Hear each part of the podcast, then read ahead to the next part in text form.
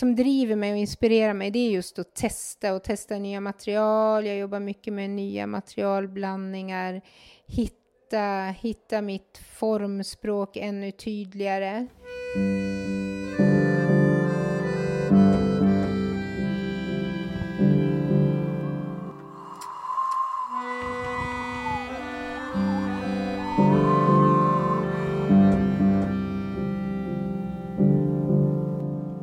Här är Formkvarten, Svensk Form Dalarnas podd där du får möta kreativa profiler inom form och design med koppling till länet. Nu är det dags att möta dagens gäst.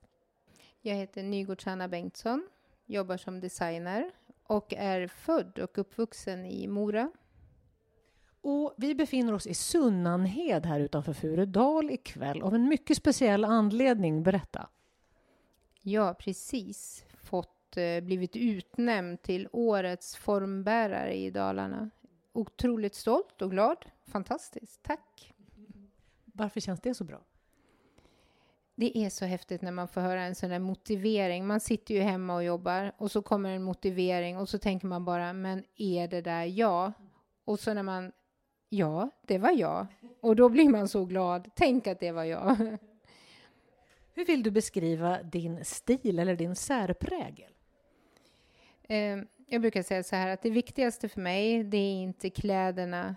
Kläder är bara kläder. Det viktigaste är människan i kläderna. Och kan jag få henne att känna sig vacker, stark, modig, då har jag lyckats. Och ska man titta på det mer liksom, eh, generellt så är det att det är väldigt enkelt, det är väldigt lågmält. Och jag vill ge eh, den som bär kläderna en chans att synas mer än själva plagget. Är det viktigt för dig när du skapar att nå ut brett till många eller vill du snarare nischa dig och nå några få som förstår grejen? Jag tror aldrig att jag ens har tänkt så, utan jag har bara tyckt att det är väldigt roligt och sen har jag blivit väldigt hedrad och glad om någon har tyckt om det. Men framför allt att det ska vara skönt att ha på sig, att det ska vara praktiskt. Och har jag möjlighet att nå ut till fler och många så är det fantastiskt. Du har ju hållit ett föredrag här för oss ikväll där du bland annat berättade hur det kom sig att du blev modeskapare, hur det började alltsammans. Och då var det mormor mycket det började med. Kan du berätta det för lyssnarna? Ja, det var faktiskt både min mormor och farmor och min mor. Eh, starka textila förebilder. Textil har alltid funnits som en del i min uppväxt. Eh, farmor som stor läromästare. Jag, jag, var en sån där liten nördig unge som kunde sticka när jag var fem. Mm. Och min mormor, hon har eh, gett mig ett eh, naturligt hållbarhetstänk som vi eh, kallar för Grandma Sustainability. Grandma Sustainability? Ja, då är det hållbarhet på riktigt. Det är utan en massa symboler och tecken tecken och märkningar. Men det är en naturlig, sund, eh, sund förhållningssätt. Man, man väljer bort redan från början. Man väljer gott redan från början. Och jag jobbar med en design som tål eh, tiden. Och det faktum att du är en lång kvinna, det har också haft sin betydelse, eller hur?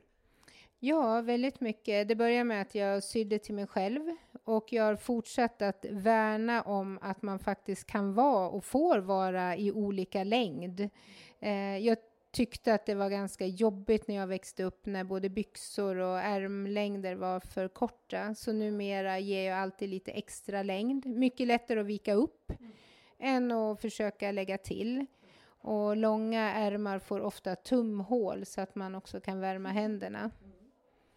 Du är ju som sagt eh, bördig från Mora. På vilket sätt tycker du att Dalarna syns i dina kläder? Ja, alltså jag brukar säga så här, jag är så mycket Dalarna. Du är det va? Ja, jag är jättemycket Dalarna, eh, på gott och ont. Eh, det goda är ju att eh, jag tycker att eh, jag vågar vara sådär egensinnig som jag tycker att man är uppe i Dalarna. Man vågar vara sig själv. Jag har kommit på att man är bäst på att vara sig själv. Ibland kan man bli så inspirerad och imponerad av andra så man vill bara vara som någon annan. Men man är bäst att vara sig själv. Sen har jag ett formspråk, tror jag, mycket inspiration ifrån dräkten. eh, de genuina materialen och färgerna här uppe. Vad är det mest udda eller konstiga som du har ritat någon gång? Ja, vad skulle det vara? Jag kan inte komma på det så här snabbt, men jag har gjort allt ifrån dopklänning till brudklänning. Eh, jag har också gjort i fårskinn. Eh,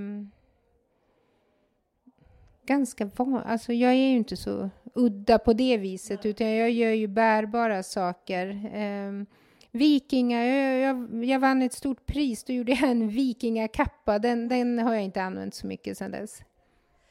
Vad är du mest känd för? Är det någon sån där, åh, oh, det här, det är Nygårdsanna, sånt plagg? Jag tänker att det är de här dämpade tonerna och att jag jobbar mycket med naturmaterial och mycket lin. Eh, men man, man skulle nog kunna säga en ärmlös, enkel, lång linneklänning. Då är det nog Nygårdsanna. Har du någon favorit, någonting du har ritat som du tycker är det, det, det du, som betyder, betyder mest för dig? Någon favorit sådär? Jag återkommer hela, hela tiden till en enkel, vad jag kallar för grandpa shirt, alltså en farfars skjorta. Eh, jag tycker jag börjar få till dem ganska bra nu. Det är ett plagg som jag trivs väldigt bra i själv också. En kraglös herrskjorta. Hur tycker du Dalarna är som formlän? Nu bor ju inte jag i, i Dalarna nu, men eh, det finns ju en stark tradition. Eh, mycket att ösa ur. Och precis när jag började, då kändes det lite svårt ibland för att det var så mycket som var så bra som man inte fick liksom peta på. Mm. Men jag måste säga att den tröskeln har man kommit över och förbi nu. nu. Nu får både den gamla traditionen plats men också den nya, så som jag upplever det. Och det, det är ju så man vill att det ska vara.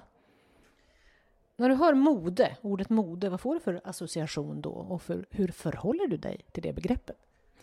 Eh, det var rätt så länge sedan jag jobbade med mode. Eh, det kanske, jag, jag jobbar inte med mode eller trender överhuvudtaget, utan jag jobbar med kläder och kvaliteter och passform. Mm.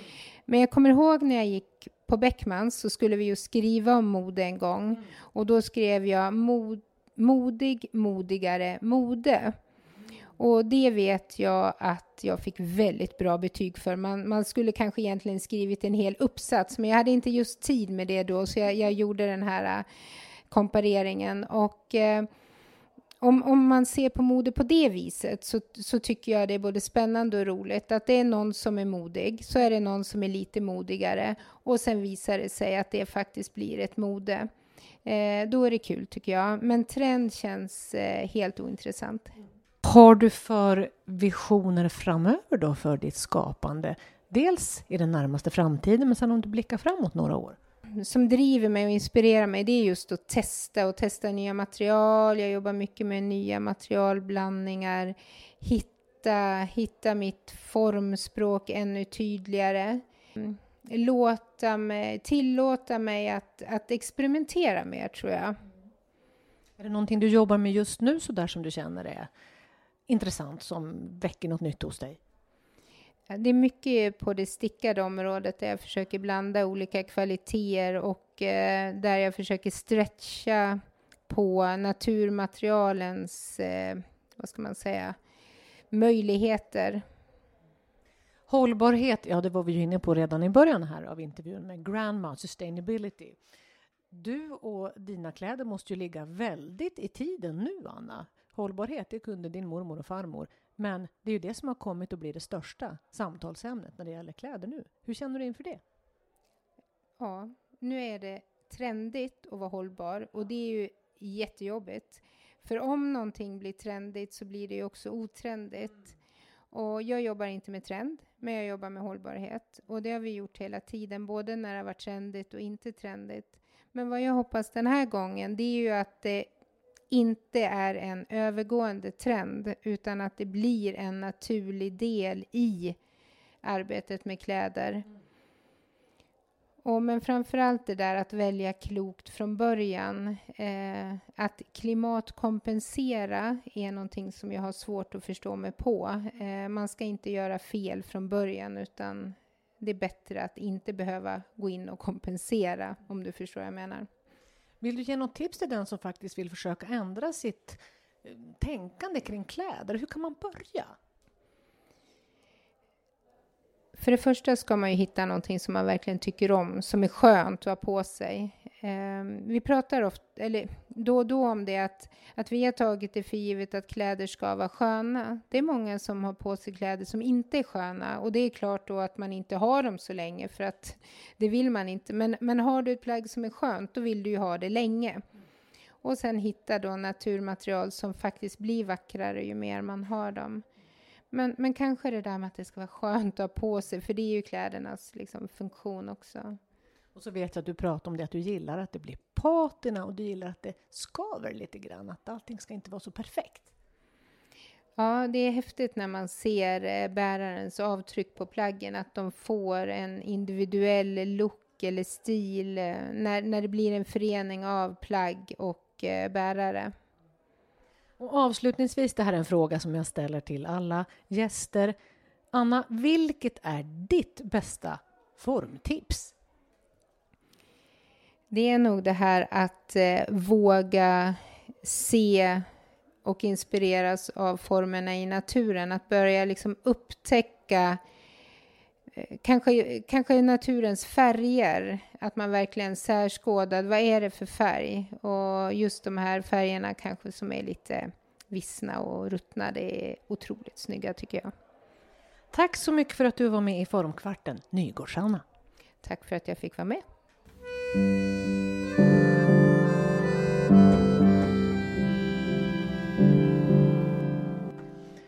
Formkvarten görs av Svensk Form Dalarna och jag som intervjuar heter Ann-Louise Rönestorlek. På återhörande.